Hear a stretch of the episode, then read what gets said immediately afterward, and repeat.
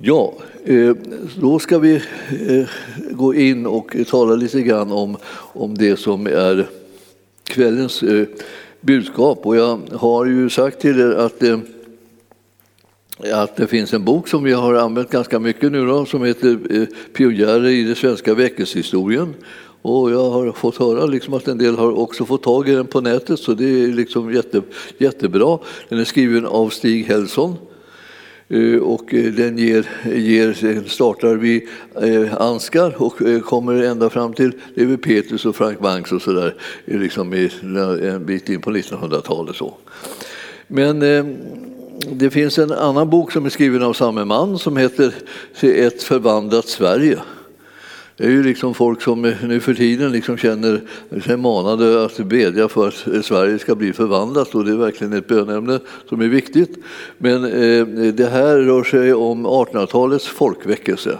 Och det var en fantastisk folkväckelse och man kan säga att eh, det stora flertalet av de eh, samfund och grupper nu som är verksamma inom frikyrkligheten så att säga, har sina rötter i den här folkväckelsen på 1800-talet. Och eh, eh, då känner vi igen när vi kommer att titta lite grann på det här nu. Och vi börjar lite grann idag.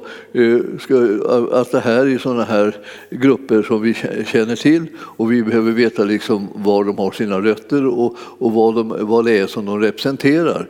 För att det, det blev ju stora förändringar i landet när, när vi började fick, fick tillåtelse liksom, från staten i, i mitten av 1800-talet att starta olika grupper som ville tjäna Gud och, och, men som inte liksom ändå var sådana som var organiserade inom den lutherska kyrkan utan det var andra typer av inspirationskällor som man hade. Framför allt var det en frukt av bibelläsning och bön.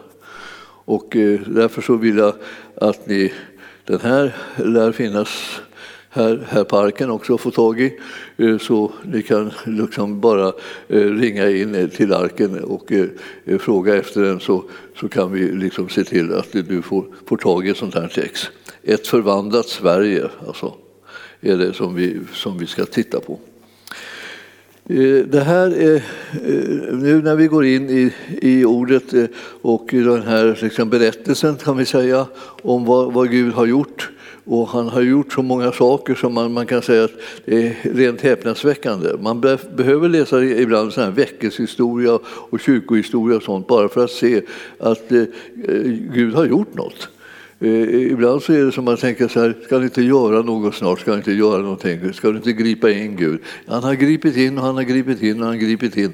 Han har gripit in så mycket så att liksom de flesta av oss eh, känner bara till en uns av det. Och det är därför som vi har de här eh, särskilda kvällarna med lite undervisning om just väckelsen eh, och väckelsen genom tiderna. Det här är, ligger en betoning på vad han har gjort i Sverige ska jag säga också den här, den här dagen och jag vill därför säga till er att eh, det, det, det, vad han gjort i hela världen, det är liksom den kyrkohistoria och den utveckling som är över hela världen, det är ju en jätteberättelse.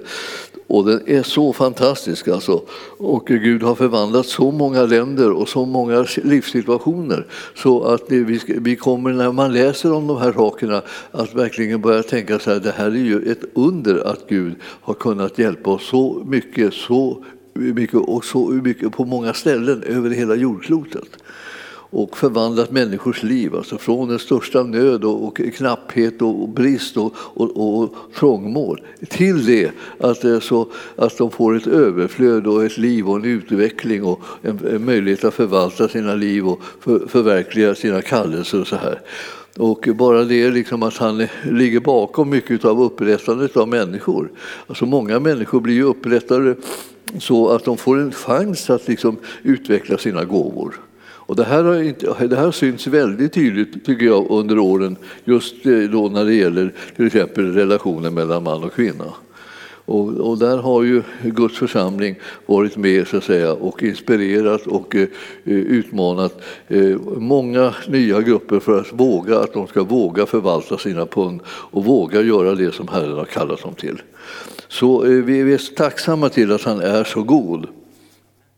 Så att man kan eh, liksom läsa eh, den kyrkohistorien och man kan väckelsehistorien in, inom det egna landet. Man kan också läsa väckelsehistoria och kyrkohistoria som sprider sig över hela världen. Och eh, det, det här, när vi går på bibelskola så ger vi oss i kast med hela världen. Eh, vilket är ett ganska stort ämne kan vi säga.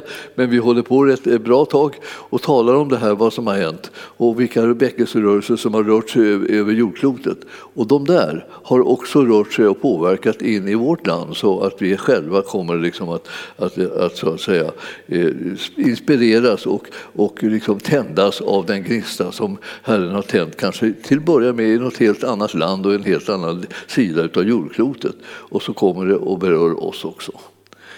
Eh, en av de viktigaste vi kommer att snudda vid är lite grann eh, liksom, rörelse som har varit på senare tid, liksom, kan vi säga, under 1900-talet och, och fortfarande in i, i 2000-talet, så är ju pingströrelsen. Och den började ju liksom i början, precis i början av, av, av 1900-talet. Alltså. Eh, man brukar ibland säga 1907, men det finns väl olika beroende på vad man räknar med för någonting, eh, eh, årtal som man nämner. Men, men det här var det att liksom i, i Amerika liksom så hade det varit så att det hade startat lite bibelskolor och man undervisade om saker och man sökte den heliga ande och man undrade om liksom, hur var det egentligen med det här med att bli döpt i, i anden och att tala i tungor och sånt och man undrade fanns det fortfarande? Ja, det fanns ju sådana lärare som sa att ja, det var förbi, det, det, det är över, liksom. det, det, blir inget sånt.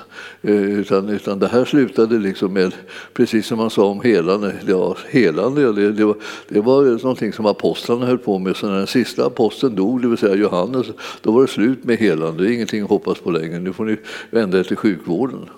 Och eh, det är inget fel att vända sig till sjukvården, men ibland så märks det också det att, att det, det räcker inte.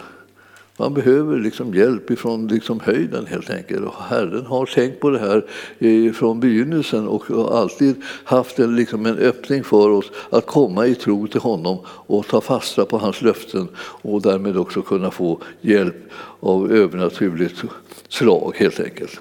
Så jag, jag, tänkte att jag skulle ta och eh, tala lite mer om, om en väckelse som kom igång på 1800-talets mitt.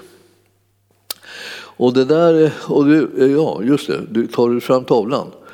Så, så, så får vi så kan jag skriva upp något, några punkter, bara några namn så där, så är det bra att kunna hålla reda på om man vill fördjupa sig mer. Nästan alla de här personerna som vi kommer att nämna, liksom de, det är sådana där personer som, eh, som har alltså, eh, eh fått många böcker skrivna om sig.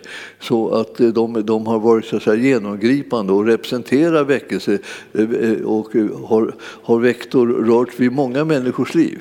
Det räcker sådär, tack. Bara. Så att det, här, och då, då, kan man säga att när vi kommer in på 1800-talet, mitt, eh, så, och det slutade vi med lite grann senast vi hade den här undervisningen och det går ju att titta på på, på den och få tag i den, tror jag, om man hör, hör sig för här i parken.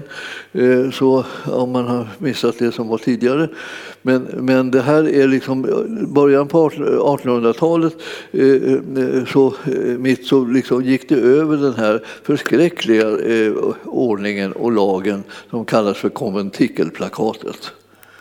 Det var ju liksom skam nummer ett liksom, i kristenheten. I 132 år förbjöds Sveriges medborgare att samlas till bön och lovsång och bibelläsning. Utanför liksom, den lilla familjekretsen hemma fick du sitta med din familj. Ingen mer, ingen mer fick delta. Och det är alltså eh, eh, det där konventikelplakatet då Det är det här konventikel som betyder eh, alltså, eh, bönesamling. Man kommer, man kommer samman, betyder konventikel. Och så var det ett plakat, då, det var en lag. Plakat. Och det, det här det var ju 1726 och höll på till 1858 plus tio år till. Man orkar, inte, man orkar inte med att sluta. Alltså sluta ha sån här typ av otillåten makt över medborgarna. Man klarar inte av att låta bli det, så, så drar man till det. Fast man kallar det nu för någonting annat, liksom kyrkoråds liksom, eh, beslut eller någonting sånt där. Och eh, då skulle man eh, eh från kyrkorådet, det var prästen, alltså kyrkoherden, och länsman kunde liksom gripa in och hejda människor om de satt där och bad och eh, läste Bibeln. Till och med om de satt och läste liksom Luthers eh, skrifter, liksom utläggning av bibelordet. Det var ju lutheraner i det här landet då, alla eh, som fick vara här. De ska vara lutheraner och var det någon som försökte vara något annat så blev de utvisade eller kastade i fängelse eller så. Så att det var hårda nypor. Och vi, vi, vi har sett liksom vilken, vilken, vilken skam det var det här. Liksom. 132 år. Vi förstår att man tänker lite grann att eh, hur, hur var de funtade liksom? Ja, det var en kolossal eh, liksom, vad säga, polisstat liksom, på något sätt. Angiveri och sånt där som pågick hela tiden. Man hade massor med regler och man la sig i, eh, man la sig i hur folk klädde sig. Så man fick inte klä sig hur som helst. För att man fick bara klä sig i linje med den eh, liksom, nivå som man liksom levde på i samhället. Så liksom, om, fick inte ha några liksom, onödiga liksom, svajsiga hattar eller plymer eller, eller liksom, eh, liksom sådana här eh, eh, vad säger, markerade liksom ett slags eh, rikedom och, och, makt och så på, på, sig om du inte hade rikedom och makt. Och adeln fick klä sig på ett visst sätt och, och liksom den högre adeln för på ett annat sätt och man kunde öka på det här och så. Och, och spetsar och sånt där, det, det, det, fick man akta sig så man inte hade fler, fler centimeter spets spets hängande över händerna än vad som var tillåtet. Då blev man bötfälld. Liksom och så så att det, här, det här var ju så eh, en, en kontroll över allting. Alltså, och det, vi, man, kunde, man kunde tänka sig, ja, men, ja, vad ska man ta sig till då? Får man inte ens vara glad över att man är frälst? Nej, inte om det tar sig uttryck i en konventikel. Kom det, man går i kyrkan, man går på vägen hem, pratar med sin granne eller sin vän eller någonting och eh, liksom säger ska vi gå hem till mig så kan vi liksom samtala lite grann om, om välsignelsen av den här predikan. Då bröt man mot kamoltikerplakatet.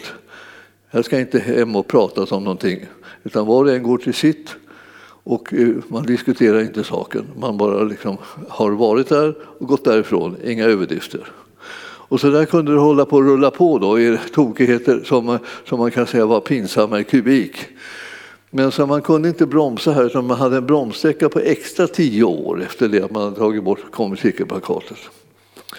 Och nu, nu, nu, kom vi in, nu är vi inne på mitten av 1800-talet och det är där ungefär som all, alla de här olika väckelserörelserna och olika samfunden och grupperingarna så startar och, liksom, och man, man, man börjar jobba på alla möjliga plan. Och sist så talade vi lite grann om vad man gjorde när man nu ännu inte fick starta några friförsamlingar.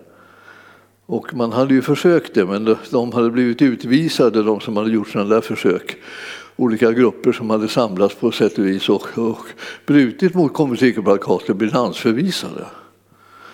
Så att nu, nu var det så att eh, nu kunde man komma på någonting annat. Då, då. Vad, vad, kunde man göra då? Ja, man kunde, liksom, eh, man kunde ha missionsföreningar.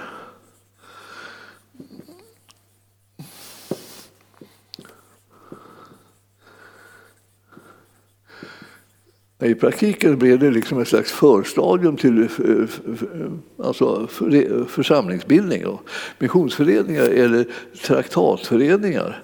Det betyder att man spred böcker.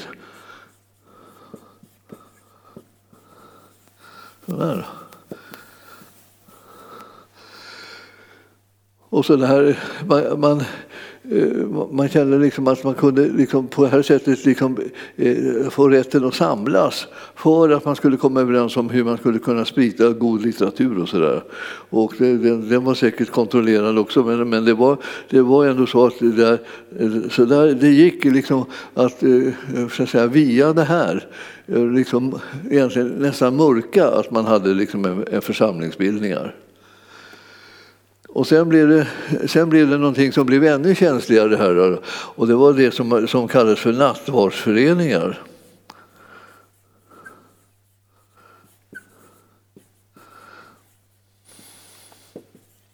Och det var det att man fick för sig att man skulle kunna eh, fira nattvard hemma.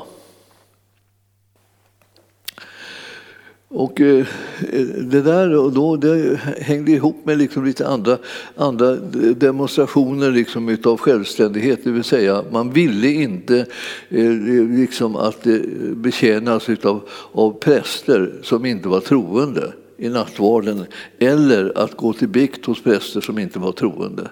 Det fanns gott om präster som inte var troende. Det fanns gott om präster som levde precis som man gjorde i världen. Så när man hade varit i gudstjänsten då och då gick alla ut i krogen och gick där och det gjorde också prästen. Och, och, och där söp de och där levde de liksom på något sätt ett världsligt liv. Och människor som hade blivit berörda av Gud och hans ande och blivit frälsta, de ville ha ett rent liv, de ville vara ett helgat liv. De ville liksom, eh, att det andliga livet skulle skötas av människor som tog det andliga livet på allvar och inte levde liksom på ett helt annat sätt än vad de hade predikat om alldeles nyss. Och då blev det här med nattvardsföreningar på sätt att de vill inte ha då icke-kristna eller icke-frälsta präster som skulle sköta de här nattvardsgångarna utan de skulle vilja att det skulle skötas av människor som var troende. Det ville inte prästerna. De tyckte att det var oförskämdaste. Ska de sätta sig och döma mig? Det är jag som är prästen. Det är jag som är liksom representanten för Gud här. Och därför så blev det väldiga konflikter runt omkring det här med nattvardsföreningar. Så det, det, det, blev spänt alltså, kan vi säga med de där nattvardsföreningarna. Och eh, det blev inte bara spänt i, i mellan eh, vad ska jag säga, statskyrkan då, och, och, och de här eh, andliga grupperna utan det, det blev spänt också mellan de olika andliga grupperna. För en del av de andliga grupperna hade ju andliga präster och de ville eh, att man skulle liksom, eh, sköta det här med nattvardsfirandet så att säga, i deras församling men eh, med, med dem då som nattvardsfirare som ledde själva nattvardsgången. Och de ville inte att det skulle liksom, att det bara lekmän skulle komma där och eh, liksom ta över den funktionen som var prästens funktion. Så eh, man hamnade i olika läger och snart så blev det liksom så att det blev vissa samfund som började växa fram som, som hade en nattvardssyn och andra som hade en annan. Då. Och en del av de här eh, för säga, nya ledarna för de nya eh, eh, för, församlingar och samfund som växte fram ur de här missionsföreningarna, traktatföreningar, nattvardsgrupper. De, de, en del av de där som växte fram där, då, de, de, de, de var ju, ledarna var ju präster. Och, eh, och efter ett, ett tag när de hållit på där och varit präster och så, så kom de ändå i konflikt med den lutherska kyrkan och till slut så var det ingenting annat för dem att välja än att de gick ur och, eh, och bildade då och var, blev ledarskap för det. På det viset kom det liksom till att eh, med Missionsförbundet så där hade ursprungligen ledarna som Waldenström och sådana kända liksom namn eh, kom ju, att, kom ju så att säga, ut det, ur det att de hade varit präster och prästvigda. Och det fanns också de som, var in, som kom in inom, inom eh, baptismen när den bildades. Så var det också en del av dem som hade liksom prästbakgrund. Men så visade det sig att det höll ju inte när de skulle byta dopsyn. Och då blev det ju väldiga spänningar där. För nu var det ju så att när man kom till baptismen så ville man ju mena och säga så här att, att eh, man kan inte låta döpa sig om man inte har en tro. Och det är ingen idé att hålla på att döpa folk som inte ens vet om de har en tro eller inte har en tro. Det vill säga så till eh, milda grad så att säga färska så att de är liksom helt nyfödda. Så de är ungefär, man hade praktiserar ju i kyrkan dop eh, liksom av barn. Som, alltså, så brukar man säga att ska vi ha parallellen till omskärelsen. Så den senaste dagen, på åttonde dagen efter födseln skulle man då omskäras och i kyrkan var det så att då skulle man döpas. Och då tänkte man att man liksom blev kristen. Då, då. Och sen för att man skulle veta att man blev kristen så går man sen när man kommer upp i, liksom i, i brytningspunkten mellan barn och vuxen eh, så går man i konfirmationsundervisning och så får man lite veta om att man har blivit kristen. Men det här med att man blev döpt, det gjorde en till kristen. Och därför så blev det också så att under eh, långa tider så har man då kanske rent av nu fortfarande, jag vågar inte säga hur det är med det, men, men eh, när jag var präst så, så pratade man också om nöddop. Och nöddop det, det, det innebar det alltså att eh, om ett barn var nära på att dö och ännu inte var döpt och det var ingen så säga, närvarande präst närvarande och den låg precis på sin dödsbädd. Alltså den, den kunde klara aldrig av själva födseln utan kom ut och bara liksom, var, hängde liksom på ett strå så här på att den skulle dö. Så skulle, måste man döpa den för att den skulle kunna bli frälst och komma in i Guds rike. Så. Och då behövdes det bara en kristen som kunde läsa Fader vår och, och doppa fingret så säga, i vatten och liksom stoppa in det i kuvösen då, och, så, och, och löpa barnet med det, det lilla vattnet. Och då blev barnet så att säga automatiskt bärgat för evigheten. Och det här var ju det man hade, det där problemet, det den tanken, liksom, vad, gör jag, vad gör vi om barnen dör liksom, innan de hinner få tro? Det var inte ett problem som bara fanns liksom där eh, när det gäller, man fick fram det här med nöd, nöddop. Så. Utan det var ett problem som fanns också bland de som trodde på troendedop. Vad gör vi med barnen då? Om de, om de liksom inte överlever? Hur ska vi göra? Hur ska vi se på saken? Ja, och då vill man se på saken att, så att eh, att barnen de följer, antingen sa man så här att barn är så goda så att de kommer till himlen bara med automatik. Det är en jättekonstig lära, men, men den, den, är, om, den liksom är omhuldad av en del eh, liksom, eh, frikyrkor som, som tänker på det där sättet. Men andra tänkte så här att, att eh, barnen hör ihop med föräldrarna så länge som de inte kan liksom klara av sig själva och leva själva så att säga så, så har de del av det som är föräldrarnas liv. Så det som gäller för föräldrarna eh, det, det gäller för barnen tills de kan så att säga, göra ett eget val. Och inga spädbarn kan göra några egna val så, så de sitter egentligen bara ihop med föräldrarna fast nu utanför modern eh, eh liksom istället för inne i modern. Men det är fortfarande så att det här är ett barn eh, som är beroende av föräldrarna. Och det föräldrarna har i tro och det föräldrar som hör ihop med Jesus, den, den eh, samhörigheten med Jesus får också barnet del av. Tills det blir moget att ha ett eget ställningstagande och välja själva om hur de vill göra. Om de låter sig konfirmeras eller om de bejakar liksom erbjudandet om frälsning när de möter någon som berättar för dem om Jesus. Och så tar de emot det själva därför att de är mogna att fatta ett eget beslut. Och det här är liksom en, en sån tanke som är spridd bland många, många eh, frikyrkomänniskor som egentligen tror på baptistisk eh, liksom, typ av, av, av, av dop. Alltså. Man, man döps på sin tro. Och eh, det här, så vi, vi håller på liksom och ser hur olika frågor separerar eller förenar folk. Och eh, det här, eh, en, en, en grupp som som också bildades ganska snart, förutom de här baptistiska grupperna var, var ju liksom EFS och EFS var liksom en, en grupp som var mer så att säga, egentligen luthersk trogen, liksom, kyrklig och, eh, och sådär men som ändå ville att eh, så prästerna måste vara troende. Det fick inte vara sån oordning så att inte, vi, inte ens prästerna trodde på, på det. Det skämde ju ut liksom, tron, tyckte man. Och eh, Evangeliska Fostransstiftelsen hette det ju. Och det var ju liksom en, var som en missionsorganisation från början liksom för, att, för att sprida evangelium och som då man också ville dölja lite grann att man egentligen var på väg att liksom vara ett separat eh, samfund. De här, de här frågorna alltså. När man kommer till, när man kommer till sakramenten så blir, blir det frågor som egentligen, egentligen splittrar människor. Det blir svårigheter kring det här med sakramenten. Och sakramenten är någonting som har vuxit fram inom katolska kyrkan och ortodoxa kyrkan. Och där, och där, där har man, där har man liksom haft eh, väldiga eh, mängder med, med sakrament. Ja, väldiga, väldiga, men vad är det, sju eller, eller någonting sånt där. Ja, kommer inte ihåg det, det var länge sedan jag räknade dem, men, men, men det, jag vet ungefär vilka de är. Alltså, det var olika vigningar och sen var det då nattvard och dop och, och, och sista smörjelsen och, och, eh, och konfirmation och vigsel alltså eh, när man gifter sig också, och också sakrament. Och det här, de där heliga handlingarna hade liksom en, eh, en benägenhet liksom att vara, är de gjorda så är de gjorda så är de giltiga. Liksom, så att säga. Och det går inte att lösa upp dem. Liksom. Man hade överhuvudtaget inom katolicismen väldigt många saker som inte gick att lösa upp.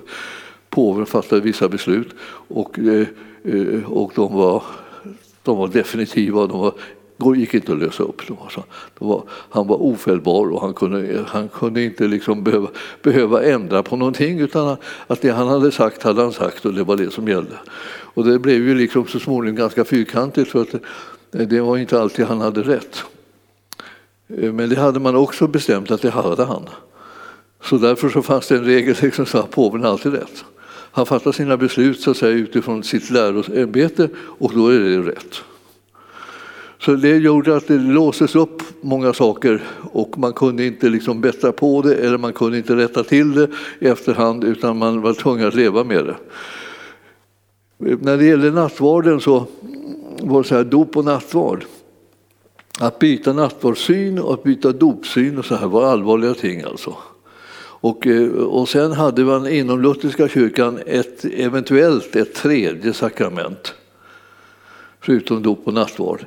Och det, och det var bikt. Alltså att man ska gå och få prästens hjälp att tro på förlåtelsen. Och det är inte något fel i själva tanken att någon kan hjälpa en att tro på förlåtelsen. Men just att det skulle vara liksom någonting som hade att göra med prästens vigning. Alltså att han, han var vigd till präst och därför så måste han så att säga, eh, då, eh, vara med och förmedla förlåtelse. Han hade det uppdraget. Och, eh, och, och var han inte med eh, så stod man där. Och många saker skulle alltså tas till prästen i bikt för att han skulle på det viset lösa en från synd. Och eh, så att förlåtelsen var given och liksom dra ner liksom Herrens försoning liksom in i situationen. Och utan präst liksom var man liksom övergiven. Och därför skulle man hålla sig till den kyrka Eh, som hade de här sakramenten för att kunna få del av dem, annars var ens frälsning osäker. Och då blev det så här att det blev många saker som vi måste liksom brottas med liksom här i Sverige som vi inte hade brottats med ett enda dugg. Vi hade varit i katolicismen och då var allting ritualer och det gick så här. Och det var med automatik alltså. Eh, eh, det kallas för ex opere operato, alltså saker och ting fungerade bara på grund av att man gjorde dem. Det vill säga, man, om man döpte så fungerade det bara därför att man döpte liksom enligt alla regler och ritualer som fanns. så fungerade det. Och, och om man skulle fira nattvard så fungerade det därför att prästen var prästvigd med en rätt vigning och när han då uttalade de olika orden så, blev, så inträdde förvandlingen av nattvardselementen så att eh, eh, vinet blev blod och, eh, och eh, brödet blev, eh, blev hans Kristi kropp. Eh, visserligen så kunde man inte känna det eller se det men det var i verkligheten innerst inne så var det en förändring, det var det man lärde. Och, eh, och därför så hittar ni då, som vi har sagt någon gång innan tidigare, eh, när man kommer in i katolsk kyrka så ibland så lyser uppe på altaret med, finns en monstrans, en liten behållare och där ligger brödet från tidigare nattvardsgång som har blivit över. Och eftersom det redan är förvandlat så är det Kristi kropp som ligger där. Och eh, då, då måste man tänka på det och därav kommer väldigt mycket bockande mot altaret. Om ni undrar varför de kommer in och så bockar de liksom mot altaret. Som här. Både prästerna och folk som kommer in. Eh, så bockar de. Och det, det, hänger ihop med det där att det, det kan vara så att Kristi kropp är fysiskt närvarande eh, eh, framme vid altaret och därför bockar man mot det. Det finns i alla fall någon slags tanke med det, men, men det är naturligtvis en konstig tanke ändå. För att nattvarden instiftades ju medan Jesus levde. Och han satt ju där och sa att, och höll brödet i handen och sa detta är min lekamen. Det var ju svårt att tänka sig att hans lekamen på något sätt hade flyttat liksom, ut till, in i brödet. Men eh, när han ändå satt där med hela kroppen om säger så. så det var ju en del saker som var liksom svåra att smälta. Och det, eh, och det här gjorde liksom att man, att man brottades med de här frågorna. Och så småningom så kom man till det att inom, inom stora delar av frikyrkligheten så ansåg man att sakramenten det eh, var, var, handlade om, om, symboliska handlingar som, som, som bara, så att säga, representerade en viss typ av tro att Jesus hade gett sitt liv, han hade låtit sitt blod utgjutas och han hade låtit sin kropp nedbrytas. Och det var det som vi, vi nu trodde på, eh, att det var gjort för oss. Och när vi då så att säga, bröt brödet Eh, Eh, så var det en symbolisk handling för att påminna om hur han, hans kropp bröts ner. Och när, vi, när eh, eh, det här blodet som var då själva vinet eller druvsaften som man ibland använder, så, så, så när det fanns, man dricker av det så tog man del av det blodet som hade utgjutits till försoning för all synd. Så att vi, vi, det symboliserar det alltså. Och det, det sättet som vi egentligen förhåller oss till det är genom tro tar vi emot det. Så att vi, vi, vi tror inte på liksom en definitiv förvandling. Men olika kyrkor är olika. Och då finns det då kyrkor som gör, som gör det här, liksom, som, som har någonting som heter för, jag vet inte om vi nämnde det, men katolska kyrkan då har transubstantiationsläran.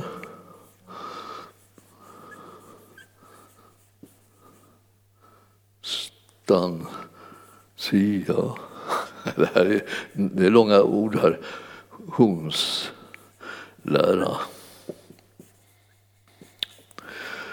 Transubstantiationslära, alltså förvandling av substansen. Alltså är det frågan om. Men, men, men Luther då? Han vill inte riktigt ha det på det sättet utan han vill ha det något som man kallar för konsubstantiationsläran. Eh, och det, det, det är konsub Sanciations... Det här är, det här är en utmaning. Läran. Och det betyder att eh, substanserna finns där sida vid sida. Alltså Kristi kropp och brödet. Så när man Därför ska man inte behöva undra över att Kristi kropp, som menas här har förvandlats helt, ändå smakar bröd. Utan här finns det alltså både den förvandlade eh, kroppen alltså närvarande och brödet närvarande. Så därför smakar det bröd, men det är båda delarna. Ja, om ni tycker att det låter komplicerat så håller jag med dig. Det är bara att säga att det är komplicerat. Det är liksom en jätte, lite konstig tanke kan man säga, att man ska försöka förklara det här som egentligen...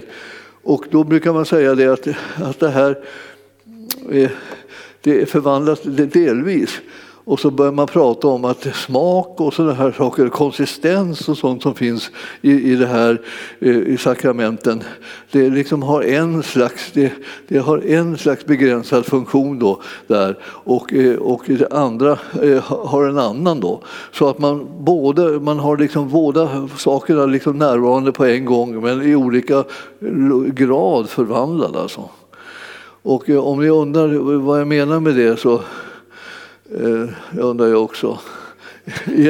Egentligen är det här svårbegripligt om man kan säga det. Men alltså det, det är de här två stycken av, av läror. Men den, den lära som kom nu då, i, i, efter eh, mitten på 1800-talet, eh, det var symbolisk.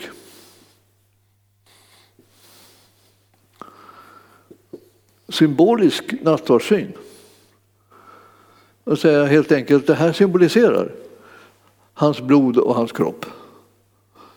Och vi får del av det, hans död, både genom att hans kropp bröts ner och, hans, och att hans blod utgöts. Straffet för synden liksom och, liksom, och, och eh, försoningsblodet som man tidigare hade använt bockars och kalvars blod för att eh, eh hälla det in i det allra heligaste till försoning för synd. Och det höll som ett år då. Om man gjorde det. Och sen fick man göra om det igen. Då, då. Men om man hade specifika synder eh, så, så fick man då själv skaffa ett offerdjur och då så lämnade man in det och så slaktades det och så blev det då en kortare liksom, så att säga, en försoning också genom både blod och, och kött. Liksom. Och, det, och det var olika typer av djur för olika synder som man använde då inom judendomen. Då. Men nu har vi liksom, kan vi säga i många stycken liksom eh, glidit, om man inte är liksom rent ritualistisk så här bara, så har vi, har vi, har vi eh, släppt mycket liksom av den här uppfattningen inom, inom frikyrkligheten och vi har liksom anammat det här symboliska. Men så fort man kommer in i någon form av högkyrklighet eller eh, mycket ritualer och så där så uppstår igen de här typerna av syn på det, transsubstantiation eller konsubstantiation. Och, eh, nu ska man säga det, varför firar vi liksom nattvard och det här liksom, om vi nu har, tycker att det är en symbolisk då, eh, handling? Ja, därför att det här är ju förbundshandlingen också. Så att utifrån frikyrkosynpunkt så finns det ett förbund som har slutits mellan oss människor och Gud. Och det förbundet är förbundet i hans blod. Så att därför så behöver vi liksom då och då påminna oss om att det här förbundets styrka och kraft ligger i alltså att han har gett sitt liv och det symboliseras i nattvardsfirandet. Så vi påminner oss om, om det här när vi firar nattvard. Men det, det, betyder också samtidigt att nattvardsfirande, det, det, är ingen frälsande gärning. Det är inte så att vi, om man firar mycket nattvard och firar ofta och så, så blir man mera frälst eller säker på sin frälsning eller säker på att man kommer till himlen eller någonting sånt. Eh, så ser vi i allmänhet inte på det inom frikyrkligheten. Men när man går ut längst ut liksom till höger, om man ska kalla det för det, alltså bland katoliker och, och bland ortodoxa så, så har vi den här transsubstantiationsläran. och den bidrar till att öka på möjligheterna eh, alltså om, om frälsning och om förkortning utav eh, tiden i skärselden vilket också är en speciell lära som man har inom, in, inom, inom de här katolska ortodoxa eh, eh, kyrkorna. Så, alltså man, man tänker sig att man inte vet om man kommer till himlen eller inte. Eh, det beror på, och skärseld betyder reningseld om, inte, om man har synder kvar som man glömde bort att bekänna och så här och, och var inte uppgjort och så, så kunde man, kunde man inte liksom komma in i himlen. Och då fick man vara i den där reningselden och ingen kan ge en besked om hur länge. Men det som förkortar den tiden är det om man eh, ordnar nattvardsgudstjänster eh, för någons räkning. Och det har man i de katolska kyrkan, alltså man bekostar nattvardsgudstjänster. Och då firar de nattvard där. Och det gör prästen det själv då, då för, för, den här personens räkning. Och, eh, och då eh, förkortas tiden i skärselden. Jag tycker att det här liksom är konstigt, ganska mycket skilt ifrån den tro som du själv har eh, när du är en frikyrkomänniska. Men, eh, och, och, det kan man kort och gott säga, det är det. Det är mycket skilt ifrån den, tid, den situation som du har som frikyrklig troende där man ser de här symboliskt. Dessutom så har vi frälsningsvisshet inom frikyrkligheten, det vill säga eh, den som har tagit emot Jesus och tror på honom och det han har gjort för dem, så då blir man frälst och får evigt liv. Då är, då är himlens port öppen. Det är det vad vi tror. Men det är inte där man tror inom de här gamla, etablerade gamla kyrkorna utan där tror man, liksom att, att, man, man, att det är bra att ingen är säker.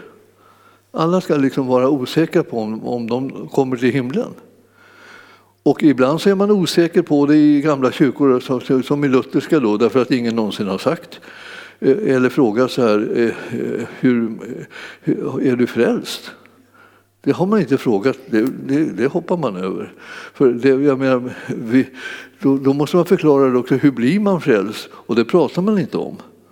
Om man inte tänker, är du döpt? Eh, men kommer du till himlen så man misstänker ändå på något sätt att det, här, det där att man är barnlöpt inte liksom räcker hela vägen in i himlen. Utan man, man, man, man hoppas att man kommer dit.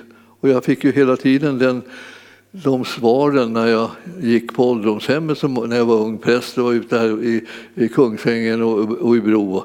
Och det finns ett ålderdomshem i Bro som var som väldigt, väldigt eh, känt och, och fint sådär. Och, och där, var, där var vi och hade andakter. Och när jag frågade de gamla då, när de satt på den där andakten, eh, så är, är, är du frälst och har tagit emot Jesus? Jag säger, Åh, jag hoppas det. Men vet du inte om du har tagit emot honom inte?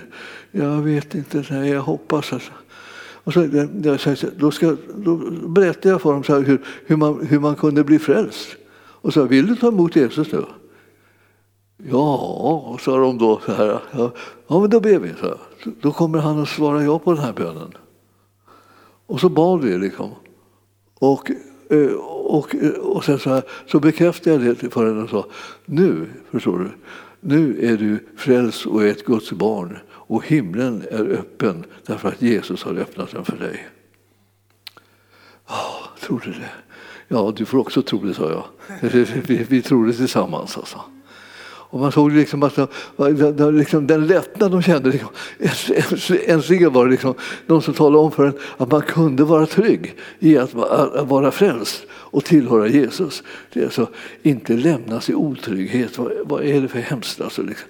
alltså, Jesus har inte kommit för att vi ska bli nervösa utan för att vi ska bli trygga. Han har kommit för att rädda oss, inte för att vi ska, vet inte om vi har blivit räddade eller inte.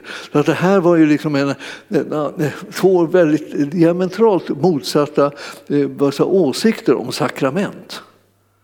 Vi kallar inte det här för sakrament, för vi tycker inte att det är heliga handlingar som vi har nytta av på det viset liksom för frälsningens skull. Vi tror att det är genom tron som var och en kan bli frälst. Och alla de som bekänner honom som sin Herre och frälsare blir frälsta och får evigt liv. Så där ser vi det här lite annorlunda. Va? Och, och sen finns det då en oändlig massa varianter på det här. Då i olika riktningar och, och, och så. Och, eh, eh en del rörelser har ju också här att man har fotavtagning. och jag kände ju eh, eh, liksom en flicka som när jag gick i, i gymnasiet så var det en flicka där som, som, som, var, var, som var med bland sjundedagsadventisterna.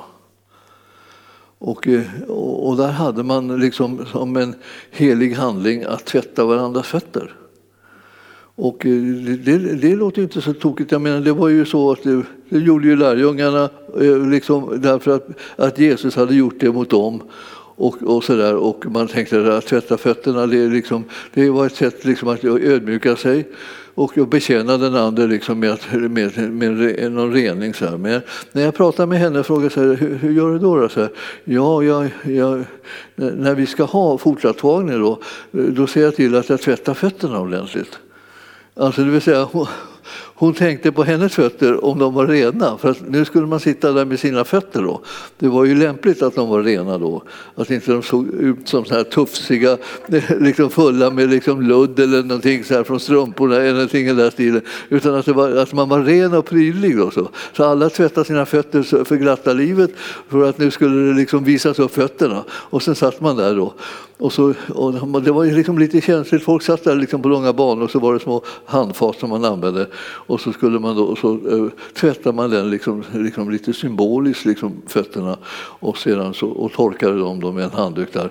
Och, så, och, det var, och, jag, och hon sa det så här, den är väldigt, den är väldigt, liksom, en väldigt närgången liksom, sätt utav att eh, visa kärlek. Alltså. Och det känns också som att det var ett närgånget sätt liksom, att, att ödmjuka sig när man gjorde det. Att tvätta någons fötter, ja, det, var, det var ju liksom ändå som om man var, var liksom en slavgöra. Va? Och det var ju därför som lärjungarna inte ville veta av att Jesus skulle tvätta deras fötter. Du, du, du får inte tvätta mina fötter, aldrig ska få tvätta mina fötter. Och då säger Jesus, om inte jag får göra det, eh, då, då har du ingen del i mig. Och då säger han, då, tvätta mig hel och hållen, säger han då. Han var så här dramatisk liksom. Du känner igen det Oskar? Ja, alltså, och då, då och, alltså, jag tänkte jag, då måste jag allt, jag vill ha alltihopa liksom. Ja, Eh, alltså det, det, det var så där, alltså man, man kände liksom inför det här, det var liksom en stark liksom känsla att, att göra på, på det där viset. Men att göra det till någon form av sakrament, alltså en helig handling som, som var så nödvändig liksom, och, och merit så här, att man måste göra det om man skulle tillhöra liksom, den här gruppen och, och, och, och få, få tag i frälsningen och så genom den här kanalen som de var. Då. Eh, så, eh, så kändes det ju liksom att det ändå var eller det konstigt att göra det till någon sakrament. Alltså handling. Men det, det, det, är bara en, ett exempel på många olika sådana här saker som man använder sig av i kyrkorna. Och då ska man titta efter liksom i vad mån som det är motiverat att kalla de här sakerna för sakrament. Och ofta hänger det just ihop med vem det är som förrättar själva sakramentet. Vem är det som handhar det? Vem döper? Alltså, vem firar nattvard? Vem leder nattvardsfirandet? När, vad händer när man gör de här sakerna? Ja, I många av de här sakramentala så lyfter man upp brödet som man har, lyfter upp det liksom, och när man läser instiftelsorden till brödet, det vill säga de orden som man sa om brödet, och likaså om man lyfter upp kalken, då, då tänker man att just i den stunden som man lyfter upp det så förvandlas det. Så att från den stunden så är det förvandlat. Och det är därför att om det då inte går åt i nattvardsfirandet så behöver man förvara det på något ställe. Eh, och, eh, och, när man var präst, så när jag var det, så liksom gjorde man en beräkning, alltså hur många var vi ungefär och hur mycket, mycket behöver vi eh, liksom av välsignat och förvandlat bröd och vin för att vi ska fira nattvarden. Och så gjorde man en, en, en, liksom en skattning av det där, liksom, så att säga. Och eh, blev det då över eh, lite grann av det eh, så drack ofta prästen upp det. Och, och, det ledde inte till någon alkoholism ska jag säga med en gång. För att så ofta firar man inte nattvard.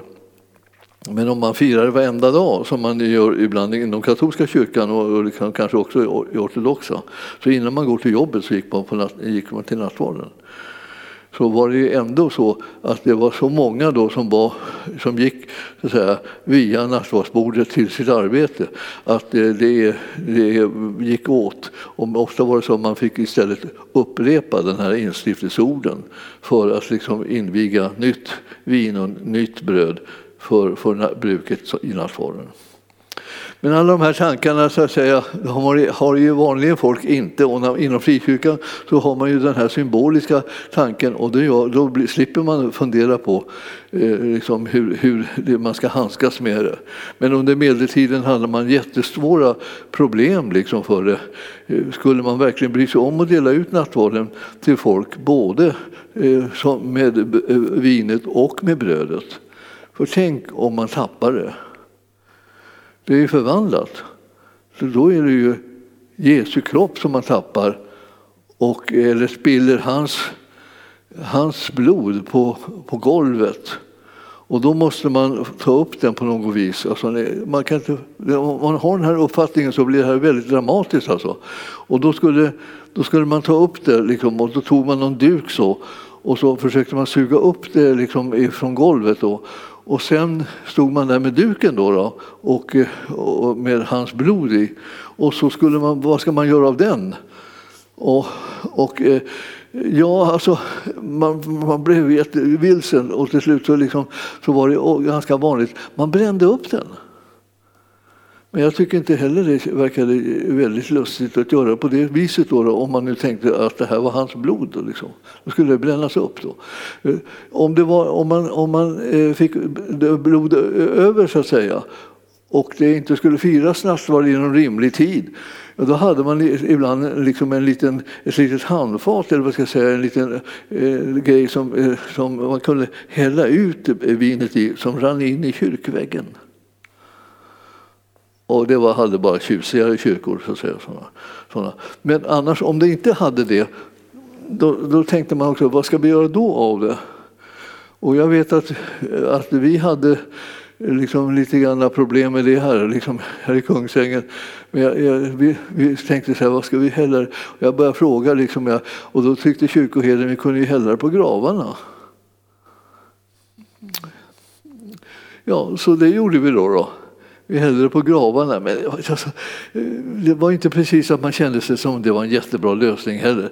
Alltså, hur man än liksom vred och vände på det här så tyckte, så tyckte jag liksom att allt blev liksom fel därför att det var en jättekonstig föreställningsvärld. Att, liksom, att det skulle bli förvandlat och man kunde inte bli, bli av med det på något sätt. Eh, och det här, det här var, kunde bara användas så, så man, hade jätte, man, man verkligen måttade jättelite, jättelite förvandlat bröd och jättelite förvandlat eh, liksom, eh, vin som var, var, hade blivit blod tog man så att alla fick bara ytterst lite så att alltihopa gick åt. Man satt nära i att försöka att allt skulle gå åt. Men det var ett mycket konstigt problem som uppstod därför att man hade det här med förvandlingstankarna. Man behövde inte ha några sådana tankar och, och frikyrkan tog aldrig upp det utan de, tog, de, gick, de gick på den symboliska liksom, linjen. Och därmed så slapp de alla de här problemen. Och, det, det är väl, och en del tycker då att då blir det till slut så så lite allvarligt med själva sakramenten att man nästan inte behöver några längre. Och då får man den liksom sidan av taget att man har inga sakrament. Och nu eh, när vi är i såna här coronatider så har vi ju liksom valt att inte liksom fira eh, nattvard. Och då tycker en del att det liksom är allvarligt för att vi, man måste väl fira nattvard. Och, och då, då, då är, är, frågan, måste man? Och ja, men det är fint att fira nattvard. Ja, det håller jag med om. Det. Vi firar nattvard under normala förhållanden. Men det är inte någon, det är inte en frälsningsfråga. Det som frälser oss är tron på Jesus. Fortfarande.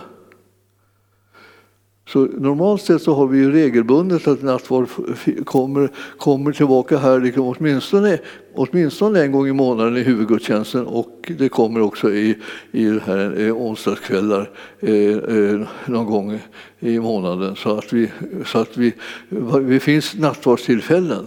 Men det är fortfarande en symbolisk handling och inte en frälsningsgärning. Och om det börjar bli en frälsningsgärning så måste vi liksom ta en paus. För då börjar vi missförstå den och vi går över i någon slags ritualistisk syn som, vi inte, som inte är biblisk. Så ni förstår att det här, det här är en balansgång hela tiden. Så, eh, och sen är det här, vad, vad, eftersom det här är en förbundsmåltid också, vad ska vi, hur, ska vi, hur ska vi använda oss av det här med förbundsmåltiden? Ja, alltså, de som är med i förbundet ska kunna vara med och fira förbundsmåltiden förstås. Och därför är det liksom lite svårt att fira den när man inte får komma samman. Och sen är det svårt att fira den liksom eh, också när, när, när liksom om folk börjar fira den bara när de tycker att de haft en trevlig, ett trevligt bönemöte hemma. Och tänker de, nu firar vi nattvard som, eh, som avslutning på det här för det var så härligt bönemöte. Och det är underbart att det är ett härligt bönemöte. Men nattvarden är till för att eh, förbundet som vi är sluta, i sammanslutna i, i hela församlingen tillsammans med Jesus, att vi utgör hans, hans kropp. Det ska kunna nås, eller man ska kunna bli delaktig av det, alla de som tillhör det här förbundet. Alltså det måste vara en öppen historia. Inte bara liksom en personlig, privat eller liksom någonting i hemmet.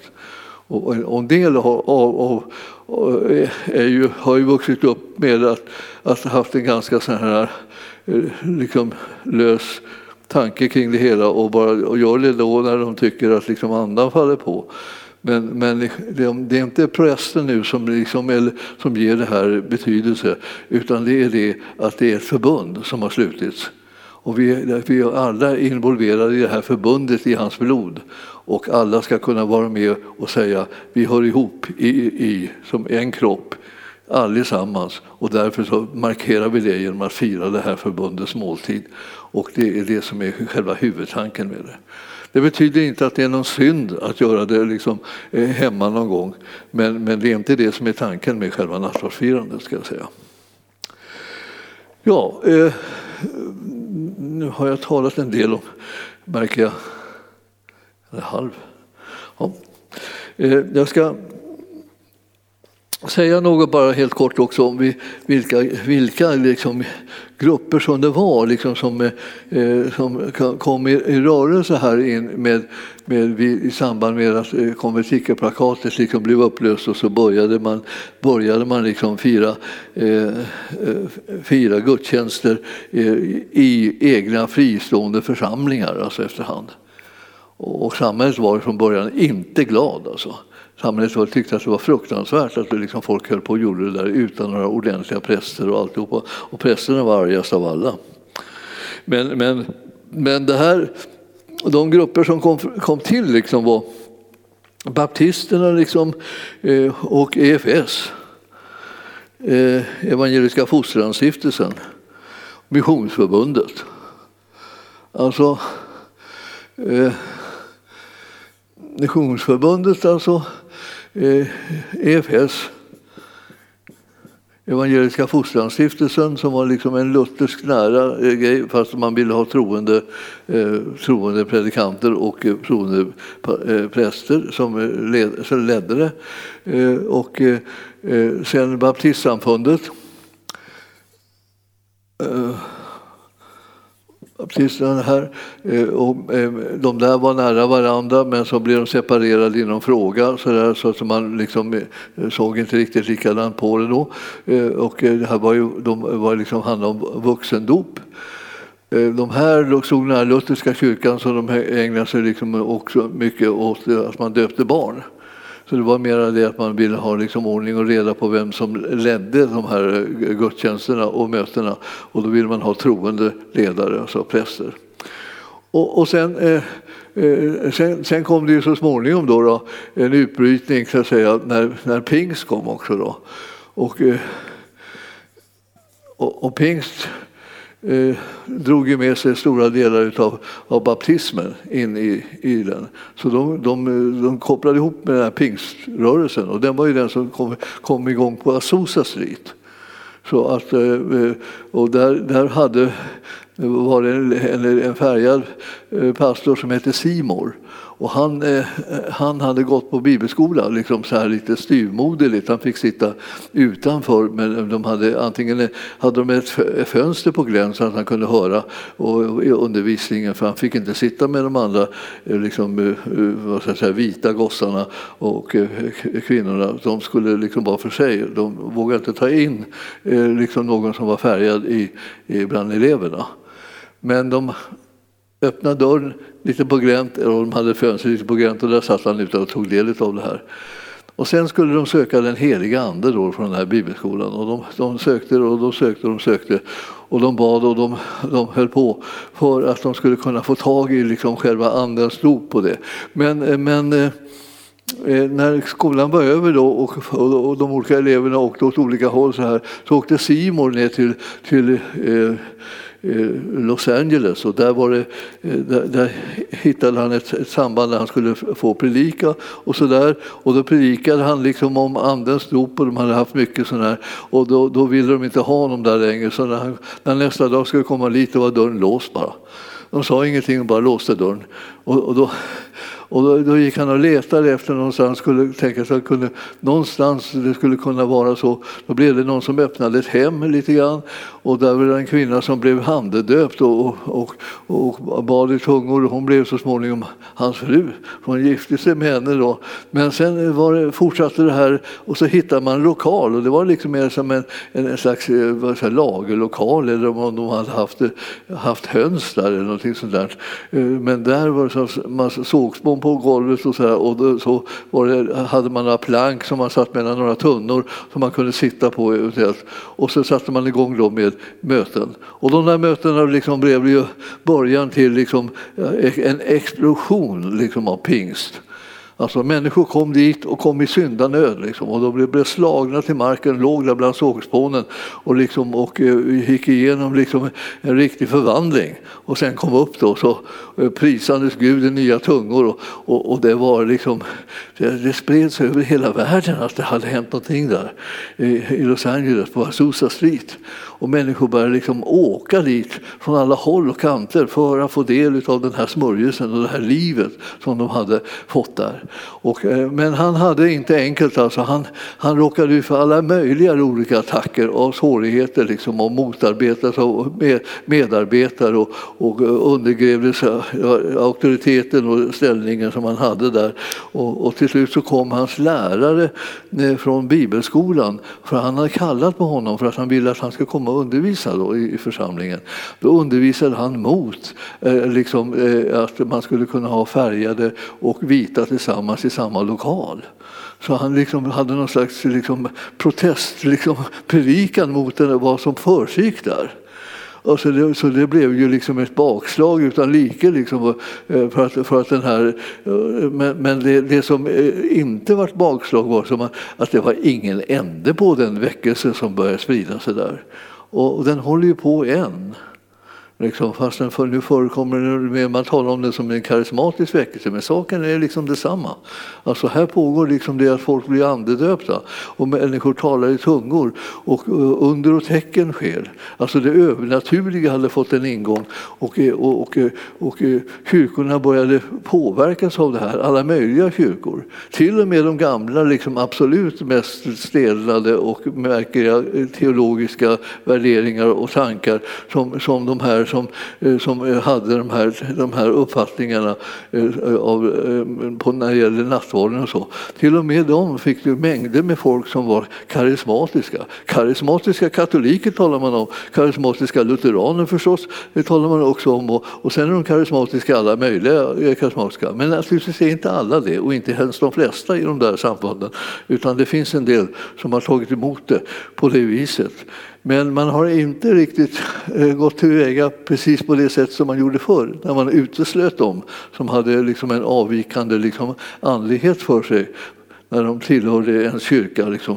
Någonting som inte var accepterat i läran som man hade där. Utan man, man tillät dem att eh, vara med fortfarande. Och eh, man bara hoppas liksom att det skulle gå över, tror jag. Men det, det, har inte gjort det på lång tid utan den karismatiska väckelsen och den pingstväckelse som sitter ihop med den är nog den största liksom, verksamma väckelse liksom, över hela världen nu som pågår. Det här är alltså, man skulle kunna säga att det, liksom, det pågår just nu, fast vi inte känner av det så mycket i Sverige, den största väckelsen som någonsin har varit i, i världen pågår nu. Överallt, i alla världsdelar är det, är det den här väckelsen liksom igång. Och det är så att det övernaturliga, alltså det här att Gud är verklig och gör under, alltså det är det som håller på och griper kring sig överallt.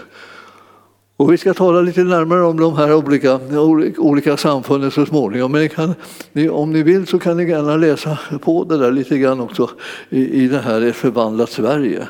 Och det är liksom, den, den, den talar om 1800-talsväckelsens mitt, så när den startar där och sen framöver.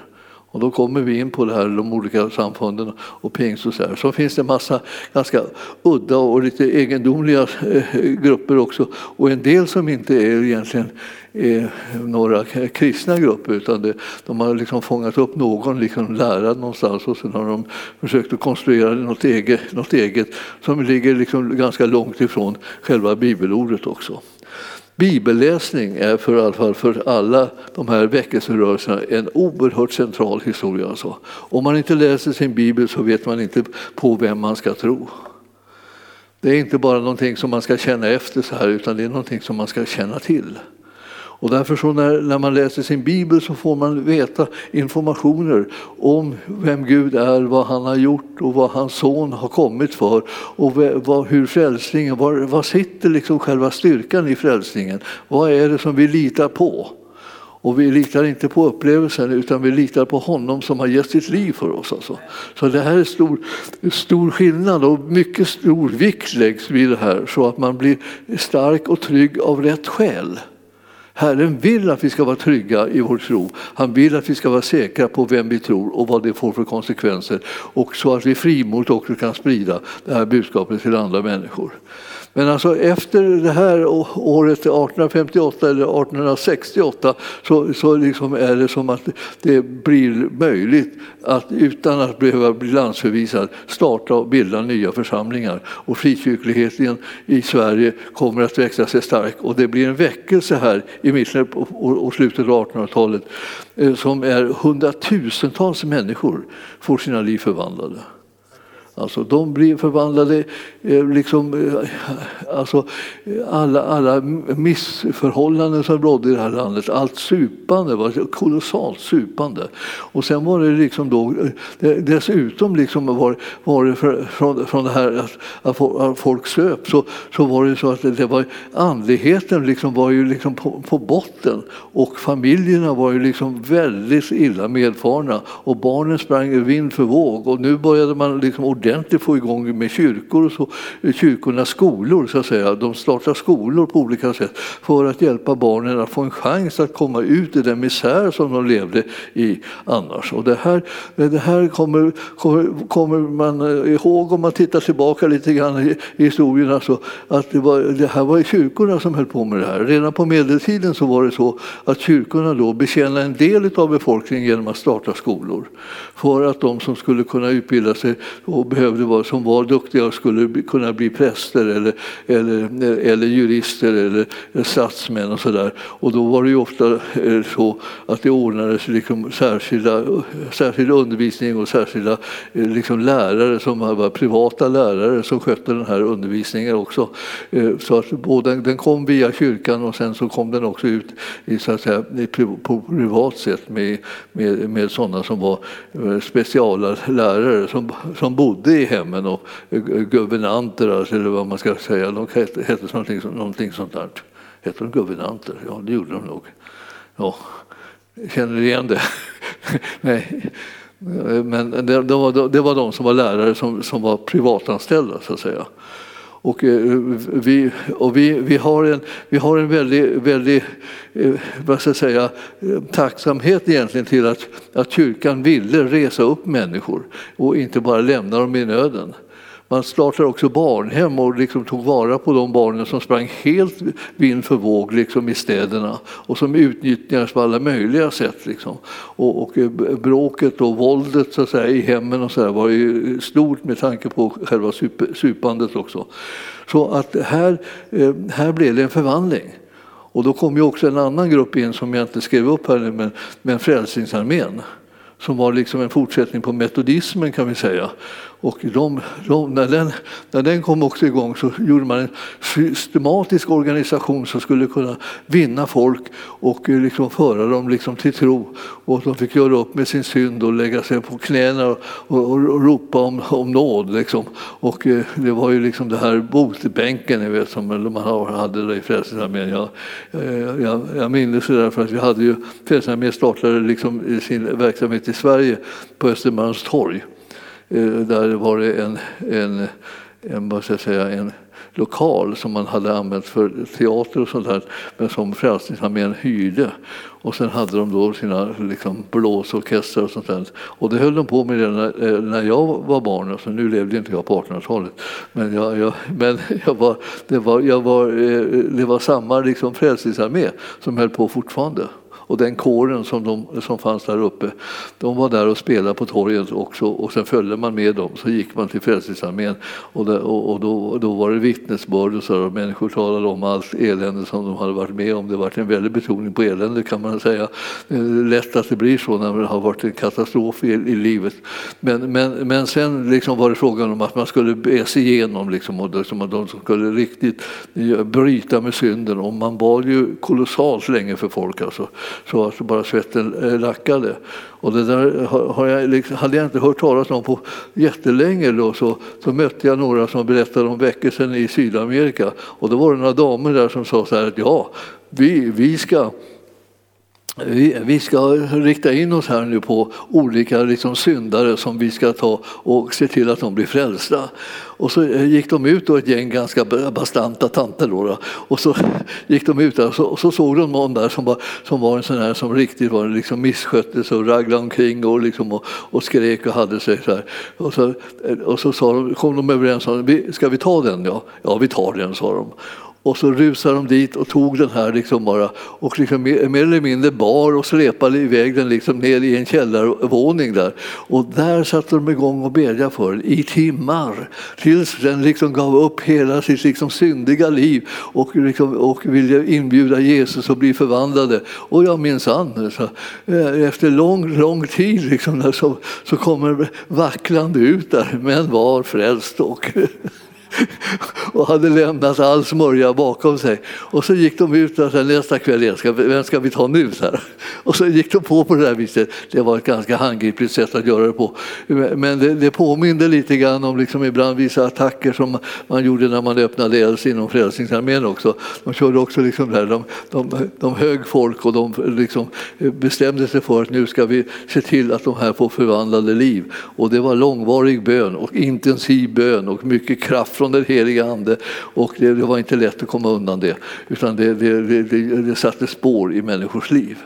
Så himmelske Fader, vi ber att du ska låta din ande verka kraftfullt även i vår framtid och i vår nutid. Vi, vi ställer oss till förfogande för att du ska använda oss och förhärliga ditt namn. Och vi ber att det som vi har talat om idag ska kunna vara till någon hjälp och förstå vad som har hänt i det förflutna men också vad som händer i nuet och vad som kommer att hända i framtiden. För vi vet att dina planer är så underbara och härliga och du vill att alla människor ska bli frälsta och du älskar dem alla vilka de än är. Så du som sitter liksom och lyssnar liksom på det här, nu den undervisningen, du, du är också inbjuden att komma med i Guds rike och, och vara tillsammans med oss alla frälsta som vi med får glädja oss åt frälsningsvisshet, säker, säkerhet på att vi har en plats i himmelen och har del av evigt liv. Och det får man när man säger Jesus kom in i mitt hjärta och fräls mig. Vi är säkra på att den frälsning som han har berättat den räcker också för dig och den räcker, som den har räckt för oss. Och vi prisa dig Herre för att många ska ta vara på den här räddningen som Herren vill erbjuda så att vi blir ett starkt och frimodigt folk som kan proklamera Herrens underbara gärningar i den här tiden och i, genom det också få sprida ut så att det, Gudsriket breder ut sig på alltså alla håll och kanter och många får höra det goda budskapet om Jesus. I Jesu namn ber vi. Amen.